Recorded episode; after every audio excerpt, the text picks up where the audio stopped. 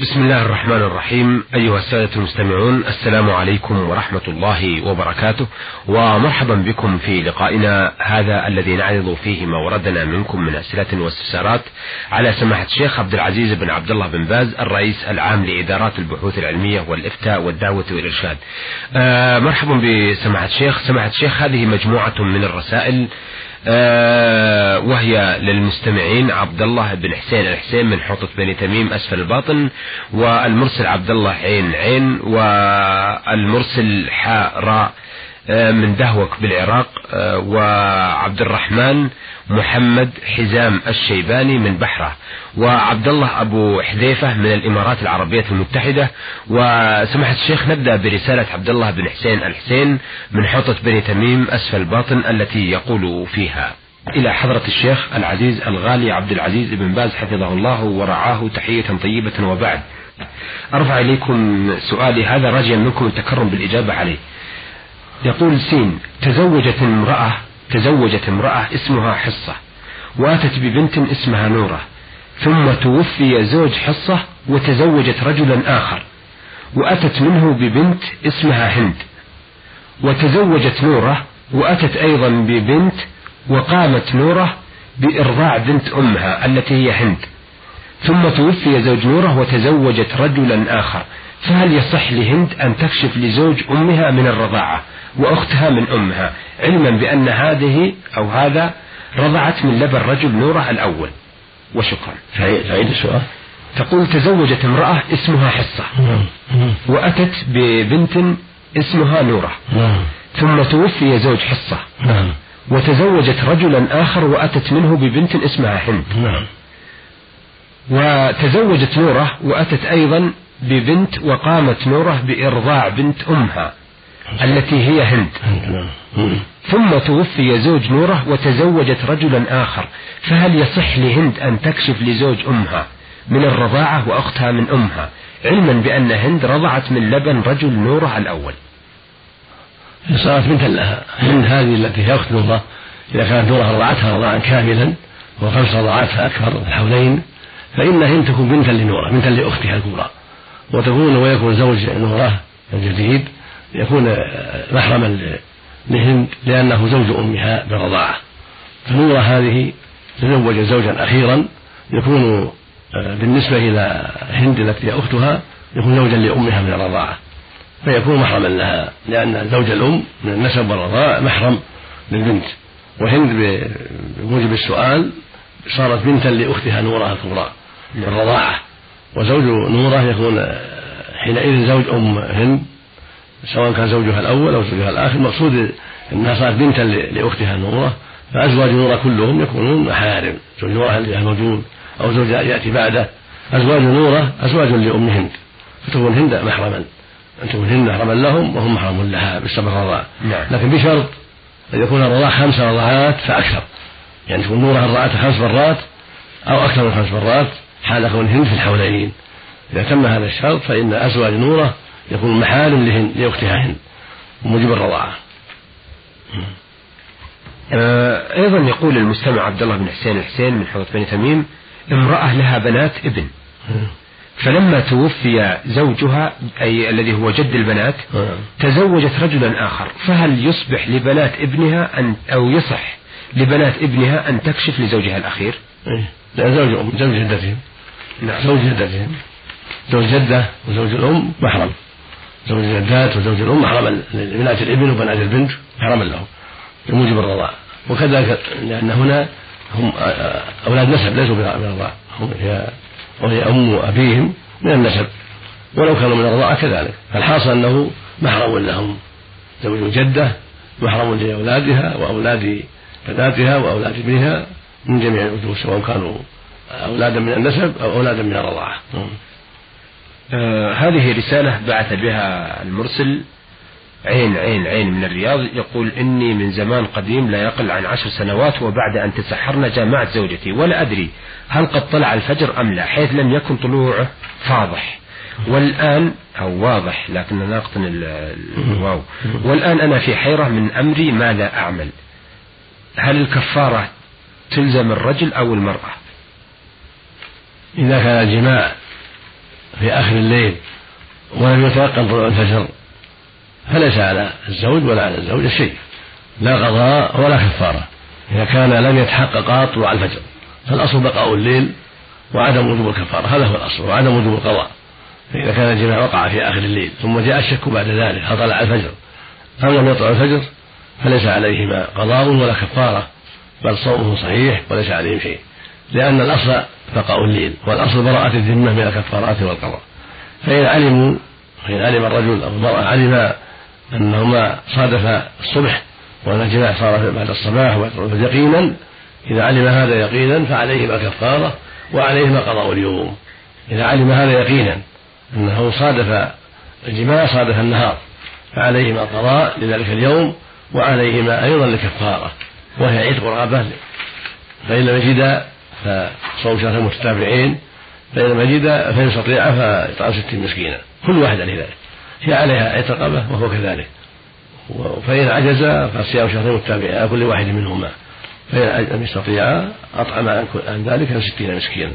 عليها ست مسكين وعليها ست مسكين يعني ستين صاعا. صاع لكل لكل مسكين صاع. نصفه عنها ونصفه عنه. إذا كانت مطاوعة له لم تكره ولم تجبر. نعم. سؤاله الثاني والأخير يقول ما حكم اللعن في رمضان؟ اللعن في رمضان وفي غيره محرم. لا يجوز التساب الله جل وعلا أوجب على عباده حفظ ألسنتهم مما حرم عليهم. قال سبحانه ما يلفظ من قول إلا لديه رقيب عتيد. قال وإن عليكم لحافظين كراما كاتبين يعلمون ما تفعلون. فالإنسان مأمور بالحفظ بحفظ لسانه وصيانة جوارحه عما حرم الله عليه.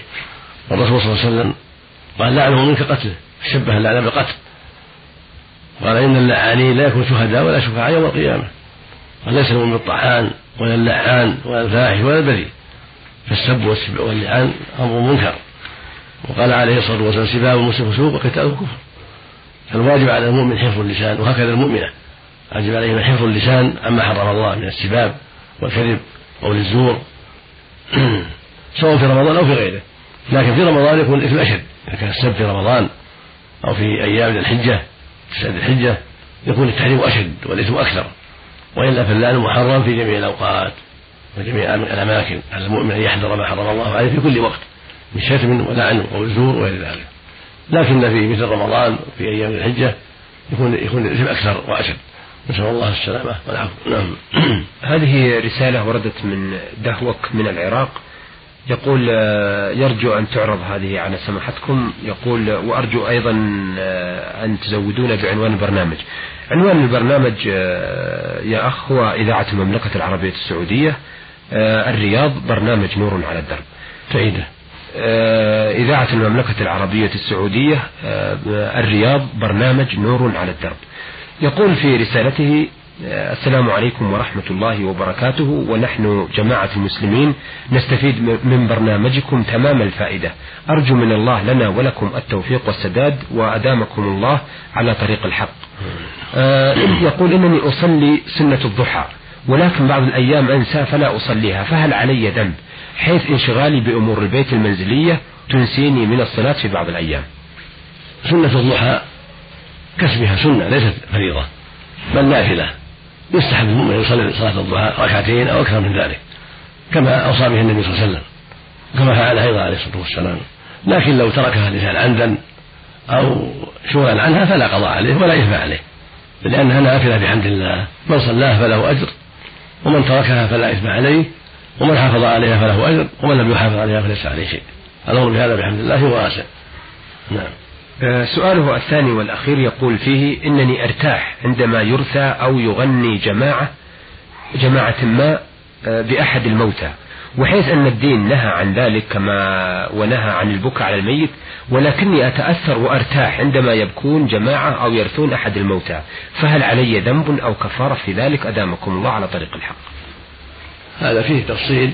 إذا كان الرثاء من باب ذكر محاسن الميت بما يشوق إلى التأسي به والاقتداد في الأعمال الطيبة من الجود والكرم والجهاد في سبيل الله وإنكار المنكر والدعوة إلى الخير فذكر هذا في المراتي ينفع المسلمين ولا يضرهم ويرتاح لكل مؤمن أما إذا كانت الرثاء تهيج مصائب المصائب وتدعو إلى النياحة وتحرك أحوال قارب الميت حتى يشتغلوا بالنياحة والصياح فلا ينبغي ذكرها ولا ينبغي قراءتها عندهم.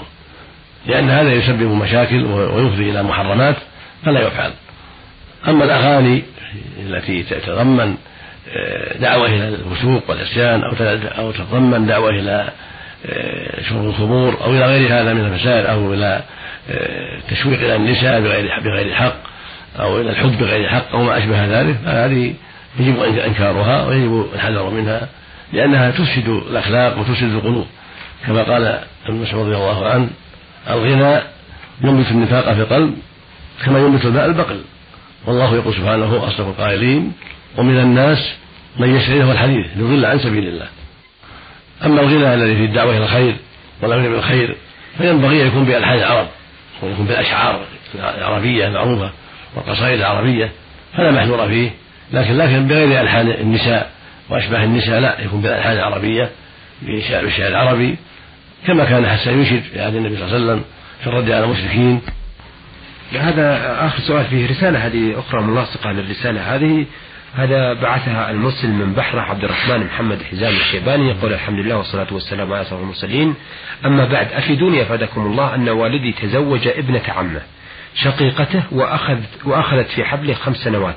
ولم تنجب أحد فطلقها فتزوج بعدها زوجة أخرى وهي والدتي. فهل يجوز لي السلام عليها؟ يعني على زوجة والده الأولى. لأنها عمتي زوجة والدي سابقا فهل يجوز لي السلام أم لا؟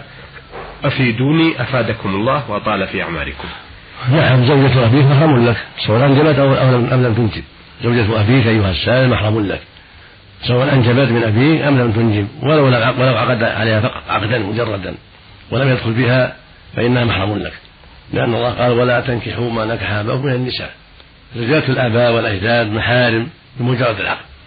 فإذا لم يدخل بها جدك أو أبوك فهي محرم لك. وإن دخل بها واجتمع بها فمن باب أولى أن محرم لك. وإن لم تنجب. فالخلاصة أن زوجات الآباء والأجداد محارم سواء سواء أنجبنا من آبائك وأجدادك أو لم أم لم ينجبنا والله جل وعلا أعلم.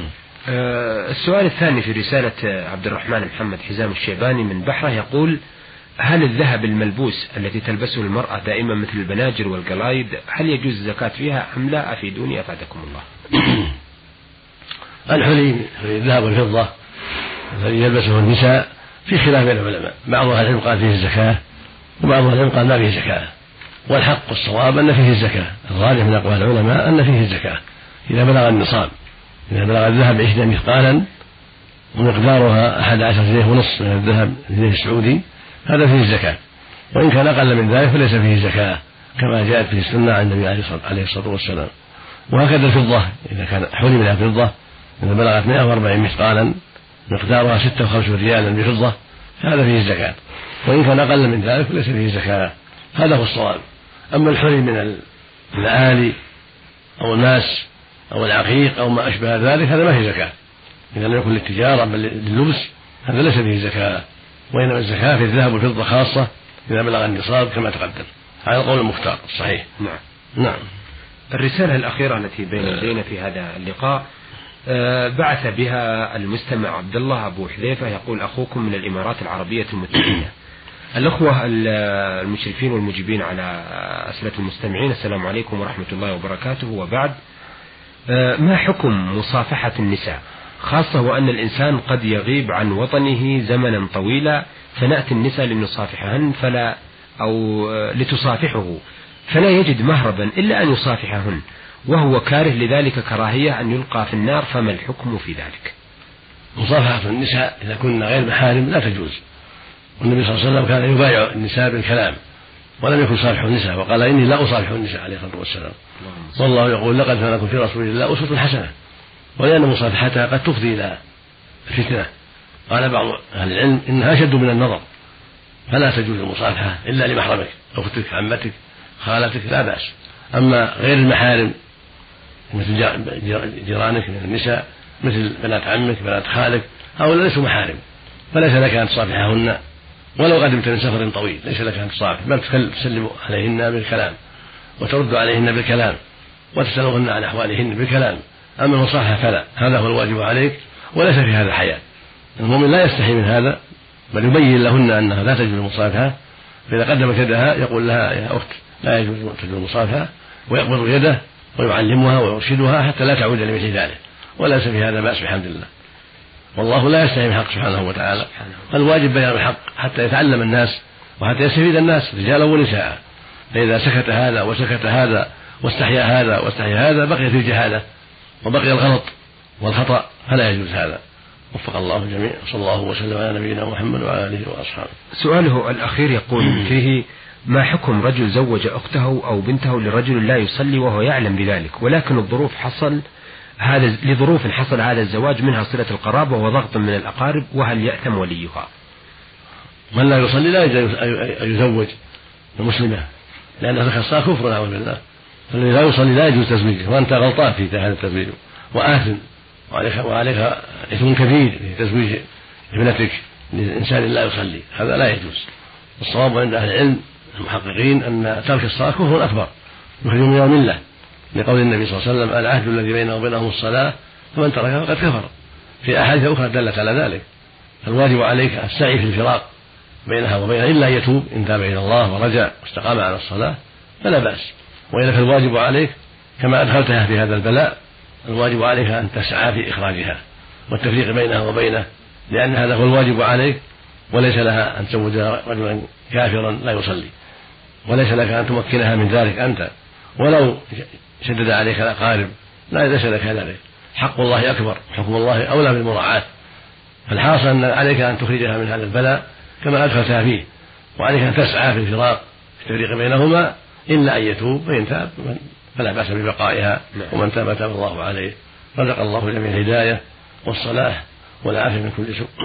آه شكرا لسماحة الشيخ عبد العزيز بن عبد الله بن باز. أيها السادة استعرضنا في لقائنا هذا على سماحته أسئلة السادة عبد الله بن حسين الحسين من حوضة بني تميم أسفل الباطن ورسالة المستمع آه عبد الله عين عين ويسأل عن الجماع بعد الفجر في نهار رمضان.